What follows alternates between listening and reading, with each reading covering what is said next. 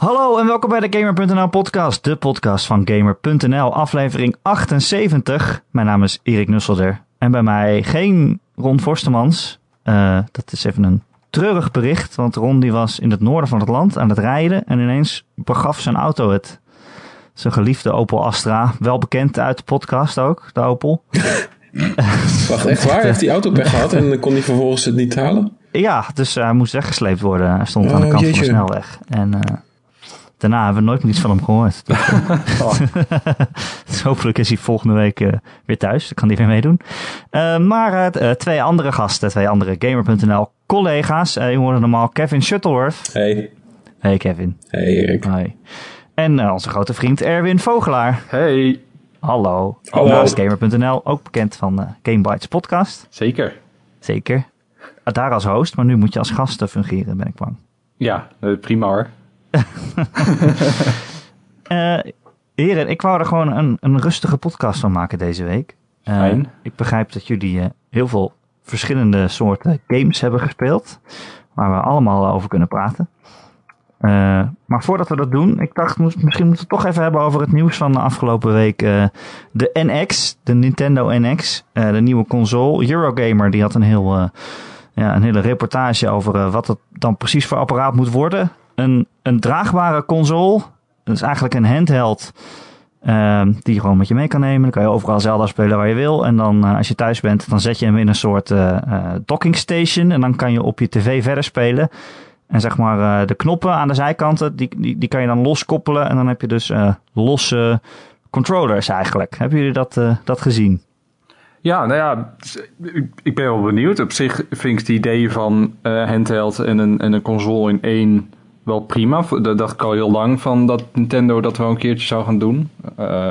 de technologie wordt toch ook beter voor handhelds. En dan waarom nog dat een onderscheid maken? Ja, um, ja dus ja, ik, ik ben wel benieuwd.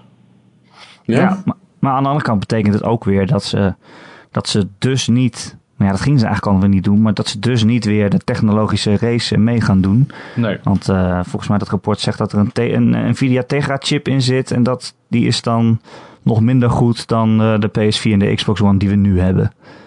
Uh, is dat erg, denken jullie? Ik weet niet of het had je, maar had je het verwacht? Ik bedoel, ik had het echt niet verwacht dat ze inderdaad mee zouden gaan met die race. Dus ik denk niet dat het voor Nintendo erg is, want het is toch wel nooit iets dat ze hebben geambieerd. Toch? Nee, maar ja, aan de andere kant, hè, wa, wa, wat is de reden dat, dat de Wii U geflopt is? Is dat uh, inderdaad omdat hij achterliep? Is dat omdat er gewoon heel weinig third-party games op uitkomen? Nou, echt een heel groot probleem met de Wii U was het feit de manier waarop dat ding werd gemarket en hoe dat ding heette, was heel erg verwarrend voor de algemene consument die niet ja. wist dat het een nieuwe console was. En ja, dan, als het dan niet goed loopt, dan zijn third parties ook helemaal niet geneigd om er spellen voor te gaan maken. Dus ik ben niet verbaasd dat dat ding heeft geflopt. Als ze de NX op een goede manier in de markt kunnen zetten, dan gaat het niet zo heel erg veel uitmaken precies hoe ver die nou achterloopt. Als ze er goede games voor uit kunnen brengen die een bepaalde snaar raakt. Nintendo is op zijn best als ze gewoon creatieve dingen maken. En dan maakt het inderdaad niet uit of het er nou, of het nou heel veel graphics heeft of niet. maar, Zoveel graphics. Zoveel graphics. Uh, ik, ik heb zelf de Wii U ook overgeslagen. En ik, uh, als, als de NX uh, backwards compatible is, dan ben ik al tevreden. En ja, dan zie ik het voor de rest wel dat zit het denk ik niet echt in. Want volgens mij gaan ook cartridges gebruiken. En, en met die Tegra chip wordt het denk ik moeilijk om ook backwards, backwards compatible te worden. Ben ik bang. Hmm. Nou ja, maar, het zal vast weer een online winkel kopen, komen waar je alles opnieuw moet kopen, toch? Ja, dat, dat zo werkt dat bij dat Nintendo. zit in. maar ja, Kevin, jij, jij legt net uit waarom de Wii U geflopt is bij het, het algemene publiek. Ja, waarom ik maar, denk dat het geflopt is. Hè? Ja, ja, ja, maar als, als zelfs uh, mensen als Erwin en als ik, en ik weet niet of jij erin hebt, Kevin, een Wii U. Nee. Maar als, als zelfs wij dus ook geen Wii U kopen, hè, wij zijn niet het algemene publiek, wij zijn hardcore gamers. En in mijn geval ben ik ook nog wel een Nintendo-fan, of althans geweest. En als zelfs wij hem al niet kopen, waar ligt, waar ligt dat dan aan? Komt dat dan niet doordat er gewoon te weinig op te spelen is, of omdat we het niet mooi of interessant genoeg vinden? Nou ja, als er iets was om op te spelen dat echt iets ja, nieuws. Ja, het, het, ding was met, uh, met, met de Wii U een beetje. we komen met deze nieuwe console. De controller heeft een enorm touchscreen en vervolgens is er bijna geen game die dat goed gebruikt. Ik denk dat als er games uit waren gekomen die echt iets interessants hadden gedaan met dat touchscreen, dat ik misschien wel overstag was gegaan. Ik heb hem bijna gekocht voor Mario Maker. Maar dat is de enige instantie die ik kan bedenken waarvoor ik het interessant zou vinden om een Wii U in huis te hebben. En als dat het enige is, dan. Ja, waarom zou ik er honderden euro's gaan uitgeven? Ja. ja. ja, ik mis ook gewoon bepaalde sterke Nintendo-merken. Zoals een, een, nieuwe Mario, dat dan niet Mario Maker is, maar meer in de stijl van eh, Mario Galaxy of zo. Een nieuwe Zelda, die komt er nu aan, die wil ik echt dolgraag spelen. Uh, maar kans is groot dat ik die dan op de NX ga spelen, niet op de Wii U. Uh, is geen Metroid, ehm, dat soort dingen. En dan heb je dan Star Fox, maar dat, dat trekt me helemaal niet op geen enkele manier. En er is ook geen reden voor mij om dan een Wii U huis te halen of zo. Nee, precies. Er zijn een aantal JRPG's zoals Xenoblade die waarschijnlijk fantastisch zijn, maar dat is gewoon niet voor mij. Ik was misschien overstag gegaan voor een toffe uh, Pokémon RPG die met zijn tijd was meegegaan. Maar hmm. dat zien we dan ook niet langskomen. Ik, ik mis die creativiteit een beetje. Ik vond vroeger ging er altijd wel goed in mee en kon ik wel, ja, kon ik wel lol hebben met de Nintendo games. Uh, vooral met, ja, met de Game Boy toen de tijd nog en zo. Maar uh, vanaf de Wii ben ik eigenlijk al mijn interesse bijna volledig kwijtgeraakt in Nintendo spellen. Nou, terwijl ik wel een 3DS heb. Ja, die heb ik ook gehad en die heb ik na anderhalf jaar weer verkocht. Oh, jeetje. Ja, ik daar, ik daar, daar vind ik daar wel weer wel genoeg op te spelen. Daar ja, daar is een hoop op te spelen. Maar persoonlijk, weet je, dat is dan ook een, een subjectief ding hoor. Ik, heb, ik had gewoon niet zo heel veel met die spellen. Eh, ik had er vier games bij gekocht die ik uit had gespeeld. En toen dacht ik van, nou ja, nu dan. ja. Ze hebben natuurlijk ook de pech dat de Vita de beste console ooit is. ja, dat klopt. Dat is een beetje pech inderdaad dat het zo'n enorm succes is geweest. Nou, ik heb afgelopen week heb ik uh, A Link Between Worlds gespeeld. En ik heb nooit... Uh, ja, die is goed hè? Ik heb nooit het origineel gespeeld, waar dus op gebaseerd is. Maar ja, echt, echt een hele toffe game. Maakt heel goed gebruik van, het, uh, van 3D-effect van de 3DS. En dat weet ik Het is, gewoon, het is gewoon heel vet om door die, door die, door die dungeons te gaan. En, uh, en die wereld te ontdekken en steeds meer meester te worden en zo. Is heel, heel tof. Maar ik ben dus eigenlijk ook wel best wel enthousiast over die NX. Ik, ik zie het wel voor me dat ik straks Zelda in de trein zit te spelen of zo, weet je wel. Dat is... Maar dan heb je wel echt... Kijk, mensen die zeggen, ja, die NX die wordt vet underpowered. Maar voor een handheld wordt die echt... Extreem overpowered. krachtig als, als, dat je het nog nooit gezien hebt. Ik vind het concept vind ik echt heel leuk hoor. Ik bedoel, ik ben echt een fan van echt toffe handheld apparaten. En dat is waarom ik de 3DS ook nog een kans heb gegeven. En dat is waarom ik een Vita heb gekocht op dag 1 omdat hij veel ehm, beter is. Omdat, en omdat Vita inderdaad veel beter is. Maar dat is waarom ik dit eigenlijk ook wel zie zitten. Uh, als ik straks, weet ik veel, naar mijn ouders ga in het oosten. Dan vind ik het tof om zo'n ding bij me te hebben. Uh, gewoon mee te kunnen nemen. En dan toffe games kunnen spelen on the go. Maar ook als ik daar zit, dan hoef ik niet een PlayStation mee te sleuren of zo. Ja, dat nee, dat, dat wil ik niet hoeven doen. En ik vind dat idee van het altijd zo'n. Ja, maar dan komen we eigenlijk toch wel een beetje terug op waar, wat, wat het, de selling point van de Vita was. Hè? Weet je nog een beetje console-waardige games op, op zakformaat? Ja, dat was ooit uh, de bedoeling. Dat is het niet geworden. Nee, precies. Daar zijn ze niet mee geslaagd. Er waren een paar games uh, die dat wel uh, deden. Zoals een Uncharted of een Killzone of zo. Of Gravity Rush misschien, als je dat nog mee wilt tellen. Persona maar, 4 Golden. ja, nou, dat was een PS2 game in principe. Dus maar dat is wel de beste Vita game die er is. Ja, dat is correct. Het punt is, is dat, is, ja, dat is gefaald. Um, hoe hoog achten wij de kans dat Nintendo op diezelfde snaar gaat inspelen? Ja, verkeerd gezegd, maar je snapt het. Ja. Ja. Wat ik me wel kan voorstellen is dat um, als er dus echt zo'n handheld wordt die je dan thuis in een dock zet en dan gewoon op de televisie kan eh, spelen. Dat je bijvoorbeeld zo'n dock ook in hotels hebt staan of gewoon op, eh, in vakantiehuisjes. Dat overal zo'n dock staat. En dat je gewoon je eigen handheld meeneemt en dan daar gewoon kan spelen als een spelcomputer. Hmm. Ja, dat is wel een goed idee. Ja. Dat je ja. een handheld die, uh, dat je gewoon verder kan spelen op de tv. Maar ja, ik ben zo bang dat het er dan tussenin gaat zitten, weet je wel. Dat het, dat het een te groot ding wordt om echt als handheld te gebruiken. Want die Vita, die gooi ik zo in, in mijn tas met een, met een eh, beschermend hoesje eromheen, dat wel. Ja. Maar die is niet heel groot. Uh, en, en dat hij dan eigenlijk te slecht wordt dat je hem als console wil gebruiken. Een beetje ertussenin gaat vallen. Hmm. Hmm. Ja. Zou, zou, zou het ook nog kunnen werken? Ik weet niet of dat kan, maar dat bijvoorbeeld zo'n dock nog het extra hardware meelevert om de ervaring op de televisie nog iets beter te maken of zo. Ik weet niet. Dat is wel wat ze doen met de PlayStation VR, technisch gezien, in principe. Ja, Ja. Ja, ja, maar dan zou je dan weer spelletjes krijgen die je alleen eh, op de dock kan spelen of zo. En niet onderweg kan Mm. meenemen. Dus dan wordt het weer heel een ingewikkeld marketingverhaal ook. Het eh, Scorpio Neo verhaal. Ja, precies. Ja. Ja. maar ja, eigenlijk weten we ook nog helemaal niks. Nee, klopt. Het is echt puur speculatie. Kut is dat dat. is echt rampant. Ja, wanneer, wanneer gaan ze het bekendmaken, denken jullie? Want ze zeiden zelf eh, eh, later in het jaar. Hè, hij komt in maart uit. Wat is nou een goede, goed moment om, om hier een persconferentie over te geven? Ik Tokyo geen Game flauw- Show. Ja, Tokyo Game Show inderdaad. Want Gamescom Ja. zijn ze niet heel breed aanwezig, dacht ik te Nee. weten. Maar Tokyo Game Show denk ik dan, september. September. Ja, dat dan hebben ze een goede, een goede zes maanden voordat het ding uitkomt. Dat is de perfecte marketingtermijn ook om al die dingen in gang te gaan zetten.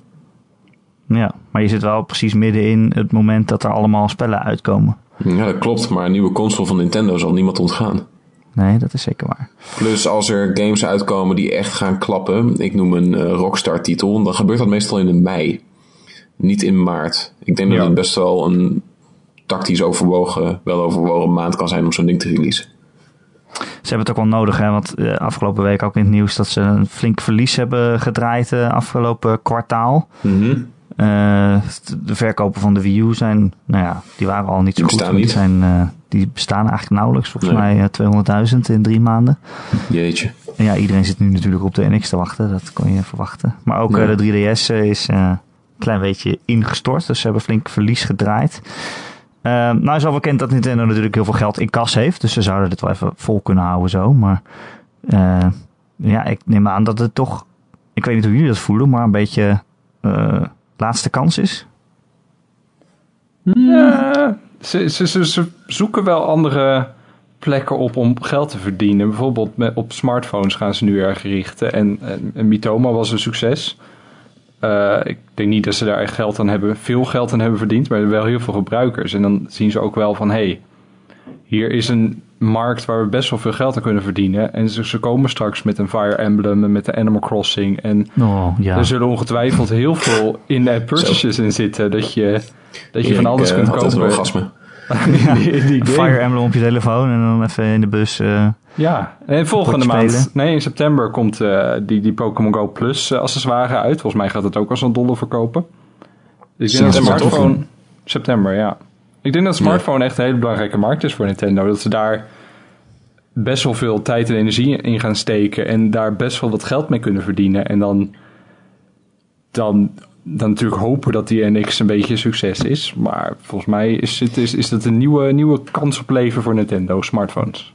Ja, dat denk ik ook. Ik had, je had mij niet kunnen vertellen dat in, wat is het dus, juli van dit jaar Nintendo ineens super relevant zou worden met een mobiele game. Ja.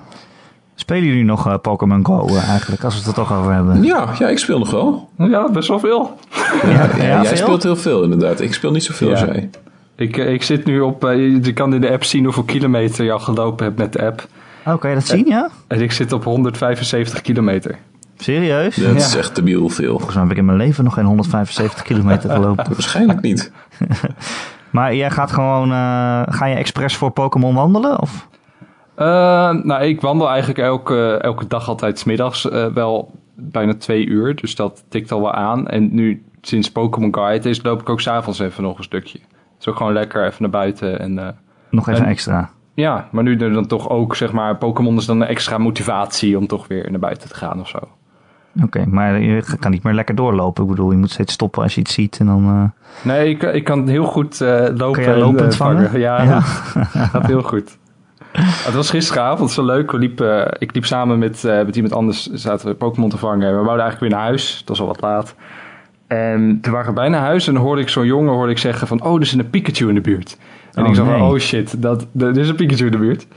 Dus ik pak dat uh, Pokévision erbij. Dat is zeg maar zo'n kaart waar je alle spans van de Pokémon kunt zien. En oh, je zo- bent zo'n cheater. ja, ja, dat, ja, een soort van. Ik wil het eigenlijk niet gebruiken, maar doe het toch. Want het is, het is toch een, een nieuwe manier van spelen ook, zeg maar. Een beetje achter die Pokémon aanhollen en, eh, en dan moet je dan weer kijken. Maar er zat dus één Pikachu in het park vlakbij. Dus wij naar het park eh, een beetje snel lopen. En toen keek ik weer en toen zaten er opeens twee Pikachu. en een Jeetje. monkey. En dus wij naar het park. En ja hoor, er stonden allemaal mensen dwalend in het gras met een smartphone. Serieus? Dus wij gaan erbij staan. Ik zeg, zijn jullie hier voor de Pikachu? Ja, Pikachu. Dus, dus wij Pikachu's vangen. En eh, toen nog die monkey op een andere locatie. En toen kwamen er nog meer mensen. Er kwamen een aantal kinderen kwamen a- aangelopen. En die gingen daar ook zoeken en dwalen. En eh, van, weet jullie waar de Pikachu is? Ja, sorry, hij is al weg. En, eh, maar het is, Oh nee. het is fantastisch. Allemaal al, constant dit soort leuke, leuke dingen. Leuke sociale interacties op straat. En, en gewoon leuke gebeurtenissen en zo. Maar misschien kan jij dit goed eh, aanvoelen, want ik vraag me dat heel erg af. Is, eh, is de hype al aan het afnemen? Want in het Hmm. begin zag ik overal, ik woon in Leiden, als ik dan van het station naar huis fietste, zag ik overal mensen lopen met hun telefoon in hun hand. Ja. Ik heb wel het idee dat het iets minder wordt of zo.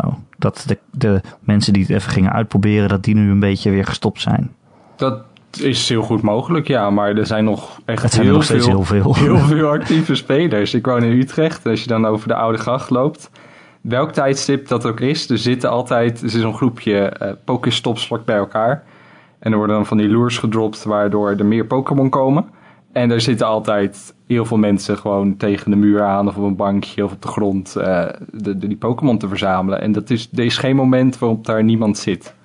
En dat blijft altijd, altijd een punt. En ik, je hoort het overal nog op straat. Je hoort constant hoor je Pokémon namen en dat mensen weer ergens naartoe gaan omdat er een andere Pokémon zit. En dat ze gyms aan het aanvallen zijn. Het, is nog, het leeft nog heel erg.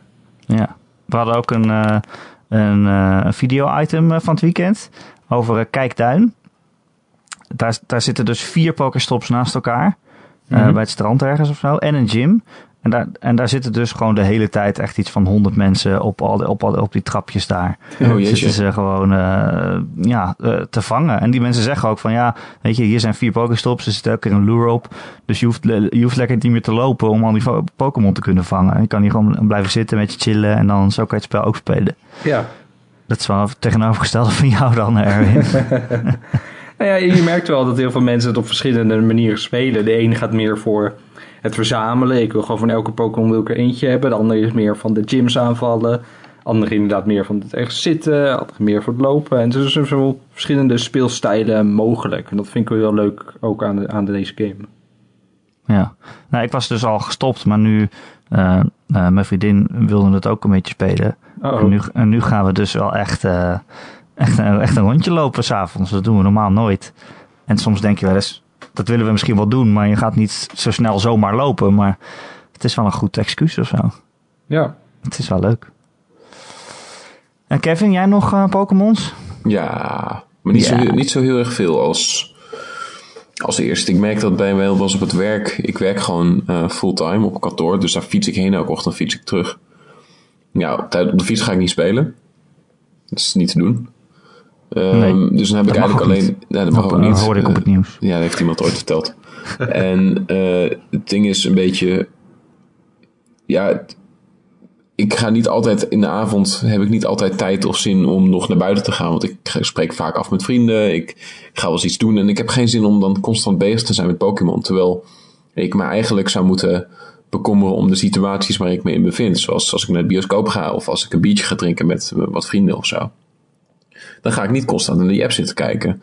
Maar ja, wat voor momenten blijven er dan over? Het zijn er niet heel erg veel, moet ik zeggen. Nee, Dus ik ik- ga ook ik niet... eh, minder. ik Zeker ga ook minder. niet als ik naar het station ga om naar mijn werk te gaan of zo, dat ik dan de hele tijd Pokémon open heb. Ik doe het alleen als we echt eh, daarvoor een rondje gaan lopen. Dan is het wel leuk. Maar Nee, ik ga niet, anders gaat dat zo je leven beheersen ook. Dat je op elk moment denkt van, oh, ik moet mijn app open hebben, want anders tellen de kilometers niet voor mijn eitje en zo. En- Ja, ik zit er helemaal niet op te wachten, dat soort dingen. Maar soms hoor je wel eens iemand roepen, hé, hey, daar zit een die en die. En dan ga je toch, pak je toch je telefoon erbij. hem Ja, maar hebben. dat is dan leuk. Dat is dan eventjes, zoals, zoals Erwin zei net, de race. Je gaat gewoon even kijken. Je weet dat er iets zit van, oh, dat, dat heb ik nog niet gevangen. Dat kan ik nu pakken. Ik heb het nog niet in mijn Pokédex zitten. Voor mij is het het verzamelen van elke Pokémon vind ik het leukst. Ja, Daar doe ik het dan eigenlijk ook voor. Dus ja, als er dan iets nieuws zit, dan wil ik dus wel eventjes snel naar de overburen rennen of zo om te pakken. Of weet ik veel waar het al zit.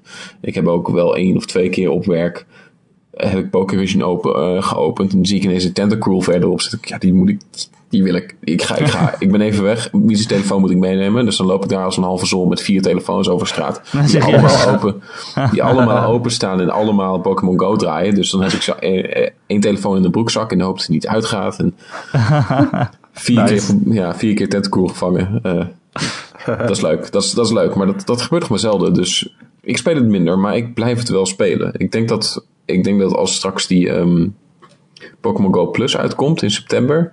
En ik speel het dan nog, dat het dan misschien wel een leuke manier is om het weer een klein beetje gaande te houden. Want dan is het, een beetje, dan is het niet zo intrusive de hele tijd. Ja. Maar, ja, maar als hij elke keer afgaat als er een Pokémon is, ik bedoel al die Rattata's en Pidgeys waar je langs fietst, dan moet je elke Ja. keer kijken wat het is.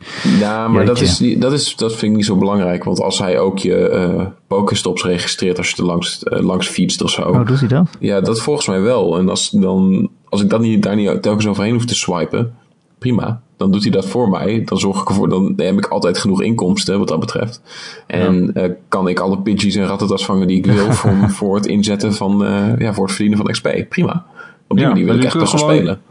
Je kunt gewoon, ik bedoel, dat het ding trilt dan als een Pokémon in de buurt is. Je hoeft je telefoon dan niet te pakken om de Pokémon te vangen. Nee, als je hem al in je Pokédex is hebt hetzelfde. zitten, dan kun je hem gewoon met, dat, eh, met, met die Pokémon Plus vangen. Dus dat is wel ideaal. Oh ja, dat wist ik niet eens. Ja, Oh, klopt. Dus dat is best wel, dat lijkt me best wel chill. En dan geeft hij inderdaad ook aan van, oh, je hebt deze nog niet gevangen.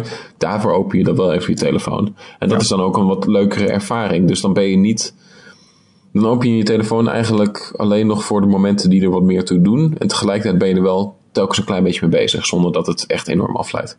Maar ik Ja. dacht dat dat alleen een trillend dingetje was. Zit er ook een schermpje op of zo? Nee. Er zit Nee, er wel een per- eh, ledlampje op volgens mij. Ja. Ah, oké. Ja, slim. Eh, een andere mobiele game waarvan ik weet dat jullie hem gespeeld hebben. En terecht. Eh Hm. Severed is eh, afgelopen week uitgekomen op eh, iOS. Eh, Het was natuurlijk een Vita exclusive. Ja, topgame. Ja. Ja, zijn jullie het met mij eens? Ja, ik heb hem toen gereviewd en toen een eh, 9 gegeven toen hij op de Vita uitkwam. Match. Mooi. Ja, het is een fantastische eh, touchscreen game. Dat, Ja. Het is, ja. Vertel nog eens wat het precies is, Erwin. Oké, nou, je, je speelt een personage met één arm. En eh, je gaat een wereld in om je familie te zoeken. En je komt allerlei eh, mysterieuze dungeons tegen. En dan moet je, die moet je op, in op eh, ontdekking gaan. En natuurlijk word je tegengehouden door allerlei monsters. En die moet je verslaan door op de juiste manier met je zwaard te hakken via touchscreen. En ehm, nou ja, dat is het kort samengevat. Maar wat ik heel tof vind is dat je komt telkens in een situatie terecht met allerlei verschillende vijanden. En je moet elke vijand op een andere manier benaderen. En je moet elke vijand in de gaten houden dat ze, dat ze jou niet een map verkopen. En dan moet je net op tijd verdedigen. En zo ben je constant in die situaties aan het switchen tussen vijand en vijand. En elke vijand, de ene moet je meer wachten tot hij zijn ogen open heeft. De andere moet je weer wachten tot. Of moet je op, op, op schuin slaan en dan weer een andere kant opslaan om, om, om zijn kwetsbare kant te raken. En constant worden de vijanden toegevoegd en dat houdt je telkens op je tenen. Van oké, ik moet echt goed opletten. En, ik, en dat, dat is gewoon heel leuk om te doen, die gevechten. En dat houdt mij zeg maar constant geïnteresseerd in die game. Want die dungeons zijn misschien niet heel boeiend. Dat is heel standaard dat je ergens een knop moet omdraaien en dan gaat er weer een deur open en dan kun je weer verder. Maar die gevechten maken die hele game voor mij en ik vind het heel leuk. Ja, het is een soort eh, geavanceerde versie van eh, bordjes draaien en houden op, op stokken. Want er past elke keer maar één vijand op je scherm. En je moet de hele tijd heen en weer switchen. En je moet je die in de gaten houden. Je moet hier wat doen. Je moet daar wat doen. Je moet tegen, tegen die moet je verdedigen. Maar dan moet je ook nog tijd, de tijd vinden om aanvallen uit te voeren. En soms als je gewoon omsingeld bent door vier of vijf beesten. Dan ben je gewoon de hele tijd heen en weer aan het gaan. Ja. Ja, dat is wel cool. En eh, eh, ik heb hem dan op de Vita gespeeld. Eh, hoe werkt die op, eh, op iOS, Kevin? Speel je van niet te zeggen, want ik heb hem een- alleen op Vita gespeeld. Nee, Oh, ik heb, ik hem nog niet, ik heb hem niet op iOS gespeeld, maar ik ben hem juist recentelijk weer gaan oppakken op Vita, omdat ik hem nog niet had uitgespeeld. Oké. Ah, En ik, speel, ik speel hem op eh, iPad en het is, ja, het werkt fantastisch. Lekker groot scherm Ja? en, eh, en ja, het is gewoon fijn. Ja, op iPad kan ik me wel voorstellen, ja. Ik Ja. weet niet hoe het op een telefoon zou zijn. Of dat, eh, Nee, dat is natuurlijk een stuk kleiner. Al kun je natuurlijk ook een flinke iPhone eh ja, 6S Plus hebben of zo. Maar dat is waar. Eh, ik, vind, ik vond ook het, het sfeertje van die game heel erg mooi. Hè? Het is Ja. eh, van, eh, van Drinkbox Studios, die eh eerder Toppers. Guacamelee maakte. Ja. Eh, Topgame. ja, dat was nog wel echt een beetje tekenfilmachtig en, en een vrolijke wereld. En dit is meer ja, melancholisch of zo, kan ik het zo noemen? Ja. Het is een- een- iets meer eh, deprimerend. Het gaat ook een over een beetje, een meisje. beetje duister. Ja, duister is het. Ik, ik, ik weet ook nog niet precies. Je, je komt er nooit echt achter wat het, hoe het verhaal nou precies eh, zit. Spoilers. Eh, nou ja, nee, ik bedoel meer. Ik bedoel, het is meer thematisch sterk. Maar heb jij echt Ja. het idee dat je weet wat er gaande is? Dat is meer de vraag. nee, precies. Nee, snap ik, ja. Maar ja, want je bent dan een meisje. Je, bent, je, je komt in je huis en, en je, familieleden zijn dood. En dan word je getransporteerd naar een soort van alternatieve realiteit of een andere wereld. Misschien, misschien wel het hiernamaals, dat weet je eigenlijk niet. Dan moet je op zoek gaan eh, naar ze. Ik vind het heel tof dat je zo nu dan eh, krijg je zo'n blik in de spiegel. En dan zie je dus het personage wat je eigenlijk speelt. En omdat je door die game heen verzamel je items. En bijvoorbeeld een masker of een panzer. En elke keer als je in de spiegel kijkt, zie je hoe meer getraind zij wordt. Hoe meer harder ze wordt in deze wereld. En dan staat ze daar met één arm en een zwaard en dat panzer. En dan, dat ziet er gewoon heel tof uit. En ik heb gewoon weer zin. Oké, ik ga weer, ik ga weer die wereld in en ik word nog sterker en nog beter. Ja, dan kun je weer nieuwe dingen vinden om sterker te worden. Ja. Dat is inderdaad leuk. Ehm, ik vond het wel eigenlijk wel heel apart dat ze dit eerst op Vita uitbrachten. Dat is natuurlijk niet het meest succesvolle platform gebleken. en als je dan een touch-based game gaat maken, dan is de iOS misschien het eerste waar je aan denkt. Wat denken jullie Hmm. dat, dat ze, waarom hebben ze besloten om, eh, om het eh, zo eigenlijk andersom te doen? Nou, ik denk dat ik dat kan beantwoorden, want ik heb de game in augustus 2015 gespeeld. Eh, toen op Gamescom. Ja, echt, Als was demo. het. als, Ja, als ja. demo. Was een paar vrij vroeg beeld. En ik vroeg toen ook van, hé, hey, hoe zit dat nou? Dus toen zeiden ze van, ja, nou ja, we geloven in de Vita en vinden het goed. Ja, maar hoe zit het nou? En wat ik, hij begon een beetje moeilijk te praten over, eh, nou ja, we, hebben een eh, deal gesloten, et cetera. Want we, ze hebben al meerdere titels gemaakt voor de Vita. En deze zat er nog aan te komen, et cetera. PlayStation, Sony, yada yada. Ehm, ik denk dat ze gebonden waren aan een contract met Sony. Dat ze eigenlijk niet echt veel eh, kanten op konden. En dat dat een concept is waar ze mee speelden. Die game is een tijdje in ontwikkeling geweest. En dat dan de Vita steeds verder bergafwaarts gaat, daar kunnen zij dan ook vrij weinig aan doen. Maar die game, die, ja, het is een goed concept, die willen ze afmaken. Maar ja, als zij dan zelf ook al de mogelijkheden zien van, nou, we kunnen het vanaf dit moment ook gaan uitbrengen voor iOS. Nou, perfect. Dan gaan we gewoon door met ontwikkelen voor de Vita, want eh, overzetten zal niet heel erg moeilijk zijn. Ja. Bovendien hebben zij volgens mij ook wel eens gezegd dat, oké, er zijn niet heel veel Vita's verkocht. Of niet superveel in ieder geval. Maar de mensen die er een hebben, dat zijn wel echt mensen die games kopen. Dat zijn wel echt Ja, dat, hardcore dat is ook zo. Ja, dat is ook zeker waar. Dat, dat, dat geldt gewoon voor eigenaren van PlayStation Vita's. Hoeveel dat er ook zijn. Ik weet eigenlijk niet hoeveel het er zijn, maar een Eh, dat is een goede vraag. stuk of Ergens in de 6, 7. 16 miljoen? Serieus? Wat? 12? Zoiets? Ja. We kunnen we nu gewoon random nummers? Of eh, 12. Er zijn 12 Vita's verkocht. 12 Ja. Vita's? Nou, wij hebben er Eh, drie. Nee, ik weet het niet. Maar eh, niet zoveel eh, als ze hadden gehoopt natuurlijk. 12 Nee. miljoen in ieder geval. Weet je dat, eh, dat Sony ooit nog een handheld gaat maken? Oh, dat is wel een goede vraag hè. Ik Nou, hoop als het eigenlijk. Want ik hou van Sony handhelds. Maar Als er een bedrijf gek genoeg is om het te doen, dan is het wel Sony gelukkig. Ja. Maar ehm, ik ben eigenlijk bang van niet. denk Ook als niet de. N, als de NX nu inderdaad zo'n handheld wordt, dan... Ik weet niet of ze daar nog een keer tegen Nintendo op willen proberen te boksen. Want Nintendo is wel echt de koning eh, op dat gebied. Ja. Ehm, ja, weet je, ik vind zelf de Vita heel erg geslaagd. Maar ja, in salesnummers natuurlijk niet. Maar ja, wat zou je krijgen als je nu een handheld... Als je nu een handheld zou kunnen maken die even sterk is als een PlayStation 4? Ik weet niet of dat al kan. Ik denk het eigenlijk nog niet. Niet. niet. Ik denk het toch niet? Maar ik denk dat het heel lastig is. Dat, dat was wel met de Vita. En dat is nu nog meer. Dat je eh, met. Dus je kracht eigenlijk is dat je gewoon een best wel een sterke handheld hebt met een mooi scherm. En dat je daar mooie games op kan spelen. Maar dat smartphones dat tegenwoordig ook kunnen. En dat je dan dat mensen steeds minder een reden hebben om dan nog zo'n extra handheld te kopen als je Ja. smartphone dat ook kan. En inmiddels zijn we weer wat jaren verder. En wat je nu op je smartphone kan spelen is echt bizar mooi en goed. En zoals nu Stafford. Nu kun je gewoon Stafford op je, op je, op je iPhone spelen. Daar heb je geen Vita meer voor nodig. Dus ik denk dat dat ook een, een reden is waarom Sony misschien nu niet... Dat het niet slim is voor Sony om nu weer een nieuwe handheld te maken. Dus Nee, ik zie ze eerder nu ook apps gaan maken, gewoon voor smartphones. Dat je, dat je een Uncharted game krijgt of zo. Of een eh, Oh nee. Uncharted Ja, ik- Endless Runner, ja. Ik zie gewoon, zolang een telefoon nog geen knoppen heeft, zie ik dat gewoon niet zo zitten. En geen pookjes. Ja. Nou ja, daar heb je ook allemaal maar dat... controllers ja, dat- voor natuurlijk. Maar, Precies, maar dat is ook geen massaal unique selling point meer tegenwoordig. Knopjes en pookjes. Nee. Je kan heel goede games ontwikkelen speciaal voor een touchscreen. Dat Ja. laat dat duidelijk zijn. Daar hebben we heel veel instanties van gezien tegenwoordig. En ja, de Vita die kwam uit in 2012 en dat was net ongeveer anderhalf jaar nadat die games die echt goed werkten op mobiele telefoons, smartphones, een beetje, een beetje tot stand kwamen. Ik weet niet precies wanneer de eerste Infinity Blade uitkwam, maar ik denk dat dat 2010 was. Ja, volgens mij, nou misschien elf. Durf ik niet te zeggen. Maar hoe dan ook, ja, de Vita die zat toen natuurlijk al vrij ver in het ontwikkelproces. Ja. Daar, kun- daar kom je dan ook niet meer onderuit op dat punt. Dus die twee kwamen net helaas. Die ontmoeten elkaar en telefoons hebben gewonnen. En daar sta ik niet van te kijken.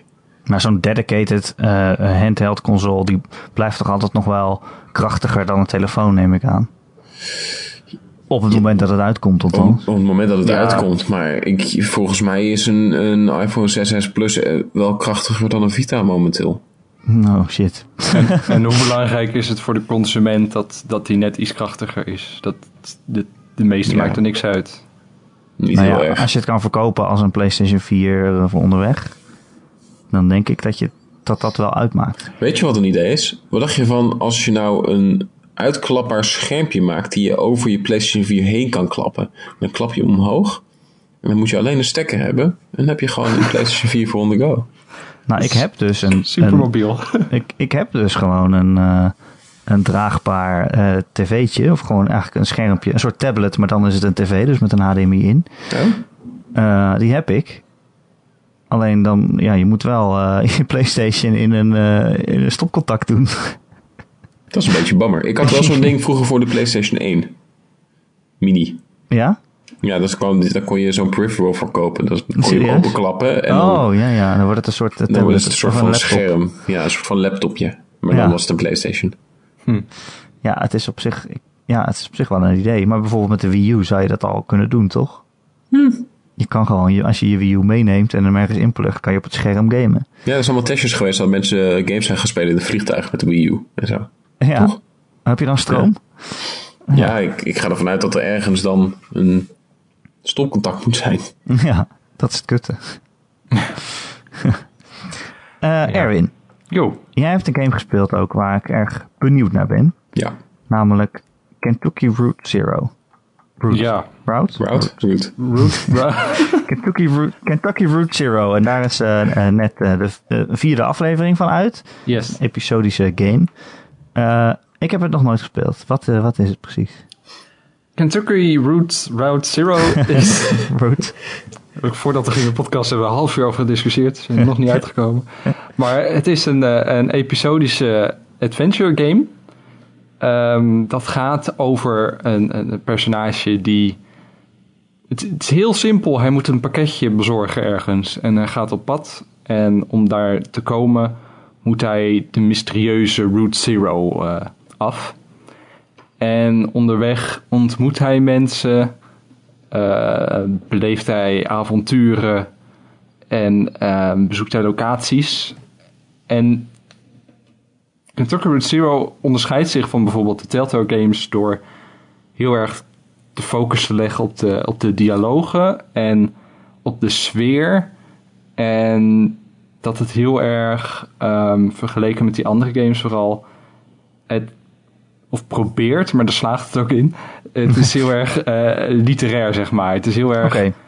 De, de, de dialogen zit, zitten vol met diepte. De hele wereld zit vol met me- metaforen. Alles eh, heeft een onderliggende lading. En in de dialogen moet je ook keuzes maken, maar het gaat nooit over een richting dat het opgaat, maar het gaat meer over wie is die persoon van binnen en hoe staat hij in het leven. En het is, het is gewoon een hele bijzondere game, een hele bijzondere stijl heeft het ook. En je wordt in scènes gedropt waar je gewoon met je mond open zit naar te, naar te kijken, omdat het zo mooi is. En aan de andere kant zit je gewoon heel veel ook te lezen. En er zitten, een soort van magische elementen zitten erin. Maar dat, dat wordt er gewoon een beetje doorheen verweven. En ja, ik vind het moeilijk om het precies de punt erop te leggen wat het zo goed maakt. Maar Kevin, jij hebt het ook gespeeld, toch? Ja, ik heb de eerste drie actes gespeeld. Ik ben er nu aan toegekomen om die nieuwe acte te spelen. Ik heb Nee. die, eh, volgens mij als je de game koopt, heb je dan gelijk toegang tot alles wat uit is? Ja, volgens mij wel, ja. Ja, ja ik, heb, hem- ik heb hem een aantal jaar geleden volgens mij gekocht. Ja, want dat is het. Hè. Hij is echt al heel lang uit, toch? Ja. Tenminste, Ja. Ze zijn al heel lang bezig. De afleveringen zitten, er zit nog wel wat tijd tussen, ja. Ik zit een beetje in hetzelfde kamp als jij, Erwin. Ik heb alle drie de actes gespeeld en alle drie de actes deden wat met mij. Maar ik kan niet precies mijn vinger erop leggen waar dat nou aan ligt. Die teksten, Ja. die dialogen zijn extreem goed geschreven. Ehm, en de manier waarop alles in beeld wordt gebracht heeft inderdaad een bepaalde, een bepaalde flair, een bepaalde mystiek bijna. ja. Maar En- is, er, is het iets van een emotionele reis of zo? Of gebeurt er Mm. iets met, eh, met deze hoofdpersoon? Of, zonder spoilers te geven. Daar het gaat- geef je... Oh, sorry. Nee, doe je ding. Oh, nou ja, het gaat wel heel erg over ehm, een reis die jij meemaakt. En het gaat heel erg over toch ook wel jezelf vinden en een soort van identiteit vinden. Maar dat je dan op die reis ook andere mensen tegenkomt die elk op een eigen reis zijn. En dat je daar ook van kunt leren. En dat je ook leert te genieten van bepaalde momenten. En niet altijd met je eigen reis bezig bent. En dat soort dingen zitten er allemaal in. Ja, ja. Dus het is meer eh, levensbeschouwend eigenlijk.